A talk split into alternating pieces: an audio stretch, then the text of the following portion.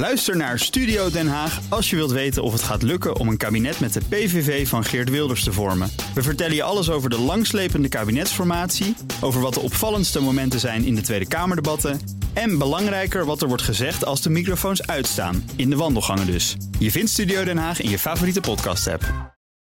Een staakt het vuren in de oorlog tussen Israël en Hamas is op dit moment niet het juiste antwoord. Zo liet eerder Netanyahu weet, maar nu ook een woordvoerder van het Witte Huis. Ja, Hamas zou vooral bij zo'n bestand profiteren, zo denken beide huizen. Bij ons is buitenlandcommentator Bernard Hammelburg en Europa-verslaggever Geert-Jan Haan. goedemorgen. Goedemorgen. Goedemorgen. Nou, Bernard, vorige week drong de Amerikaanse buitenlandminister Anthony Blinken nog aan op een humanitaire pauze. Ja, sinds die uh, grondoorlog, ook al noemen de Israëli hem zelf niet, uh, humanitaire pauze is geen optie meer, denk ik. Nee, maar er zijn wel momenten nu gelukkig waarop die uh, vrachtauto's door kunnen. Dat groeit langzaam en te langzaam, maar er gaan er wel meer doorheen. Dus dat, dat, en hoe je het noemt, noem je het of dat nou een gevechtspauze is of gewoon even een hele korte onderbreking aan de grens. Uh, er wordt bovendien aan die grens niet gevochten, hè, dus het kan ook makkelijk. Uh, dus dat, dat, dat gaat de goede kant op. Maar er spelen nog een paar andere dingen. Ja. er zitten aan de Gazaanse kant een hele groep uh, uh, mensen met dubbele nationaliteit, onder andere Amerikanen, maar bijvoorbeeld ook Thais, een hele, en uh, die, die willen eruit. en iedereen vindt ook dat dat moet, maar dat wordt voortdurend door de door de Egyptenaren tegengehouden. Omdat die als de dood zijn, dat daar dan een stroom Hamas niks uh, meekomt. Ja. ja, en, dat, en dat, dat is echt wel een, een drama. Want ja, die mensen die kunnen er niks aan doen. Die hebben ook het recht om eruit te gaan. Daar wordt ook door, door alle landen, eh, ook door Biden bijvoorbeeld, uh, maar ook door, door de, de Thaise regering voortdurend op gehamerd. Maar dat lukt maar niet. Uh, het goede nieuws is dat Israël wel de, de internetverbinding heeft hersteld. Mm. En die hadden ze een tijdje afgesloten. Ja. Uh, dat is benadering, dat is eigenlijk een, een, een, ramp ook voor gewone communicatie over het functioneren van ziekenhuizen, uh, machines en apparatuur in ziekenhuizen. Dus dat is het goede nieuws. Dat is het goede nieuws. Maar wacht even, de humanitaire pauzes waar we dan op doelen. Dat humanitaire gaat ook over het brengen van hulp. Ja. Het zorgen dat er goederen komen, dat er brandstof is, dat er elektra is voor de ziekenhuizen. Uh, dat er tijd is om, om doden na de bombardementen te, te ruimen. Is die tijd er? Nee, die is er niet. Uh, die vrachtauto's doorlaten wel meer. Maar het probleem daarbij bij die vrachtauto's, dat, uh, dat is in de eerste plaats dat de Egyptenaren ze niet zo snel door willen laten. Ja. En dan worden ze nog weer eens gecontroleerd. Hm. Allemaal door de Israëlische douane. Ja. En die kijkt of er behalve uh, voedsel en verbandmateriaal enzovoort um, ook cement in zit. Want daar, daar zijn ze als de dood voor. Want dat is in het verleden gebeurd. En dat werd dan niet gebruikt voor het bouwen van huizen, maar het bouwen van tunnels. En uh, er is een enorm dispuut over brandstof. Uh, de Israëliërs willen liever niet dat daar brandstof bij zit, want zeggen ze dat verdwijnt allemaal naar de Gazanen. Mm. En die gebruiken dat dan uh, voor het airconditioningssysteem in, ja. in die tunnels, of ze gebruiken het voor het lanceren van raketten. En nou ja, daar, daar is een dispuut over. maar ja, de ziekenhuizen die zeggen: wij, wij, we kunnen alleen maar functioneren op generatoren. En daar hebben we het brandstof ook voor nodig. Die ruzie is nog niet uh, opgelost.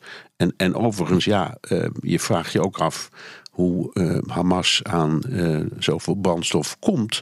Want in totaal hebben die sinds het uitbreken van dit conflict al iets van zeven of achtduizend raketten afgevuurd. En dat gaat allemaal met, uh, dat wordt allemaal, die, die, dat ontbrandingsmechanisme werkt allemaal met, met gewone brandstof. Dus ja, nou, dispuut, ernstig dispuut en niet ja. opgelost. Nee, Geert-Jan, eventjes naar jou, want ondertussen probeert de Israëlische premier Netanyahu Europese leiders te overtuigen om de Egyptenaren onder druk te zetten om toch vooral veel vluchtelingen uit Gaza op te nemen, meldt de Financial Times. Ja. Uh, want die ziet dat ook, die ziet erbij hangen. Uh, maar Bernard zegt net ook, van, ja, Israëli's zijn er huiverig over. Daar staat ook een grenspost daar. Hoe is het pleidooi van Netanyahu ontvangen? Nou, hij heeft een beetje steun gekregen vanuit landen als uh, Tsjechië en uh, Oostenrijk. Mm -hmm. uh, dat zou volgens westerse diplomaten in privégesprekken zijn geopperd in aanloop naar een van de vele toppen die we afgelopen week ook zagen. Dat zijn wel landen die in het, ik noem het even, wij steunen Israël onvoorwaardelijk kamp zitten. Ehm, dat geldt trouwens ook voor Duitsland. Met Duitsland en ook Frankrijk en ook de, het Verenigd Koninkrijk. Die hebben gezegd, ja, het idee van Netanyahu om ehm, ja, tijdelijk Gazanen op te nemen uh, door Egypte. Ehm, ja, dat idee is onrealistisch. Uh, er wordt natuurlijk ook naar andere alternatieven gekeken. Europeanen zijn heel goed in het meedenken.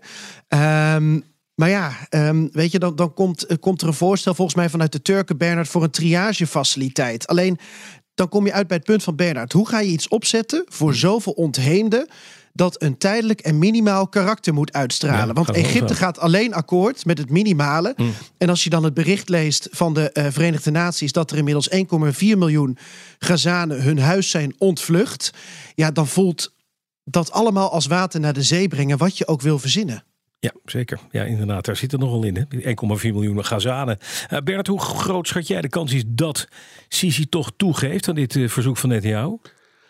Uh, als, als bijna uitgesloten. Ja, ja. Nooit, nooit helemaal, je weet het niet. Maar ik denk dat hij het niet doet. Nogmaals, hij heeft een hekel aan Gazanen. Uh, je, moet je, je moet eens nadenken over de vraag waarom toen de Sinai-woestijn door Israël werd teruggegeven aan Egypte. Mm. in het eind van de jaren zeventig. Uh, toen er een vredesverdrag kwam. De, de Gazastrook daar niet bij zat die, die willen eigenlijk niet. En, en, en Egypte wilde die, die Gazastrook gewoon niet meer hebben. Nee. Die hebben er een hekel aan. Er is een andere kwestie. Eh, de regie van dit geheel uh, laten we zeggen, geopolitiek is in handen van Joe Biden. En dat is altijd zo. De Amerikanen steunen de Israëliërs nu dat, uh, met het, het, het voortzetten mm -hmm. van uh, de, de, aanval. Dat zei je zelf in, je, in je inleiding.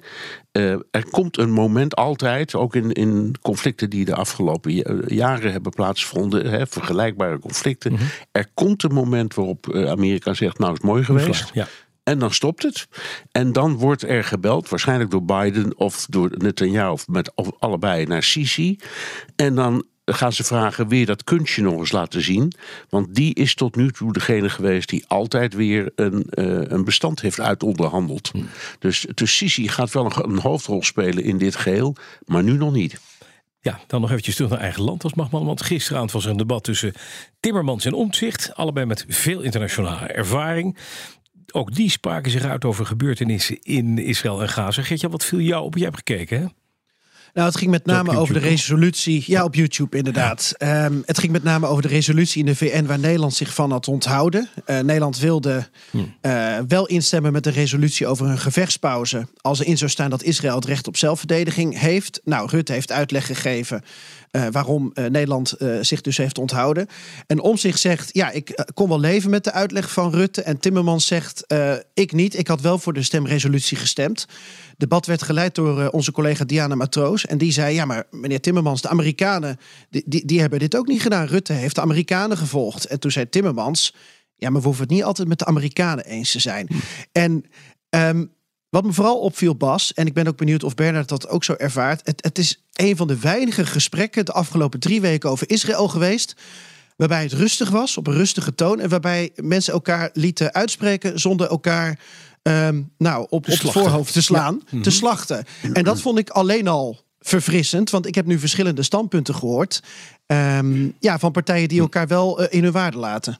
Bernard. Ik ben het ermee eens. Ik heb het ook gezien. Het, het, het hele debat. Was, het was überhaupt een interessant debat. Omdat de toon uh, niet alleen hierover, maar eigenlijk over alle andere onderwerpen, waar ze het ook waar ze niet over eens werden, uh, zo, zo prettig was, zo beschaafd was. En je hebt je denk ik als kiezer best wat aan. Als je zegt, hoe liggen die standpunten nou? Um, je, je zag ook, en ik meen, weet niet meer zeker, maar ik meen dat Omtzigt ook, ook benoemde, dat ja, die algemene vergadering van de VN, heb je niet zoveel aan. Dat heeft, dat heeft verder geen enkele uh, betekenis. Het is alleen maar symboliek. Um, en het zou goed zijn uh, als uh, bijvoorbeeld uh, de zaak werd voor, voorgelegd aan het strafhof, dat is er trouwens al mee bezig, om daar ja, zeg maar, iemand op de klus te zetten om, om, om de, de, de redelijkheid van al dit soort dingen uit te zoeken en af te zien van, van, van dit soort resoluties. Want het, het is, geeft een heel een hele hoop gedoe, maar betekent eigenlijk niets. Terwijl, we, terwijl wanneer je het aan het strafhof voorlegt, dan kunnen ze meteen gaan kijken: is hier nu wel of niet sprake van redelijkheid, van, van mensenrechten schendingen, van oorlogsrecht, in plaats van uh, de slagen in de ruimte die de diplomaten in zoiets als de, de, de, de algemene vergadering van de VN steeds maar doen. Het zijn slagen in de lucht en het betekent niks. Nou, nog even naar Oekraïne, Geert-Jan. Je hebt twee nieuwsberichten en we zagen een verschrikkelijk verhaal over een uh, aanslag in een huis door Russen. Tenminste, dat is het verhaal van de Oekraïners weer. Uh, dat lijkt een beetje op, uh, op de, de frame die, uh, die Israël en tegenover Hamas doet. Of de frame, die laat ook beelden zien van verschrikkelijke slachtingen in huizen. Nu een verschrikkelijke slachting in een huis in Oekraïne. ja, deze twee oorlogen kun je aan de ene kant helemaal niet met elkaar vergelijken. Aan de andere kant zie je wel ja. vormen van, nou, PR noem ik het maar even. Mm -hmm. oneerbiedig. Die, die zie je aan beide kanten uh, terug. Um, nou, net zoals uh, een van de twee uh, berichten die ik je nog wilde meegeven gaat over een getal. Oekraïne meldt vanochtend dat er inmiddels 300.000 Russen zijn uitgeschakeld tijdens deze oorlog sinds 24 februari 2022. Ze doelen daarmee waarschijnlijk op gedood. Ze blijven daar altijd wat vaag over. Het is een duizelingwekkend getal. Ik wil het in perspectief plaatsen, want uh, Amerikanen en Britten schatten dat getal um, wat lager. Maar ook als je uitkomt op 200.000 doden, dan is dat natuurlijk te bizar uh, voor woorden, zoals de Britten eerder melden. Hm. Uh, en punt twee is dat premier Rutte heeft aangegeven in een nogal raar uh, filmpje met Zelensky van zeven minuten op de sociale media. Dat hoef je niet per se te kijken van mij. Um, heeft hij gezegd dat er uh, F-16's naar Roemenië gaan over twee weken. En dat daar het trainingscentrum dan wordt opgezet voor het um, ja, trainen van de Oekraïnse gevechtspiloten. Uh, over twee weken is wel erg traag. Ik denk met name dat ze in Roemenië wel wat meer tempo erachter hadden mogen zetten. Maar goed, het is wat het is. En dat zijn de laatste ontwikkelingen voor. Oekraïne. Bij BNR ben je altijd als eerste op de hoogte van het laatste nieuws. Luister dagelijks live via internet. Bas van Werven. En heel langzaam komt de zon op rond dit tijdstip. Je krijgt inzicht in de dag die komt op BNR, het Binnenhof in Nederland en de rest van de wereld. De Ochtendspits. Voor de beste start van je werkdag. Blijf scherp en mis niets.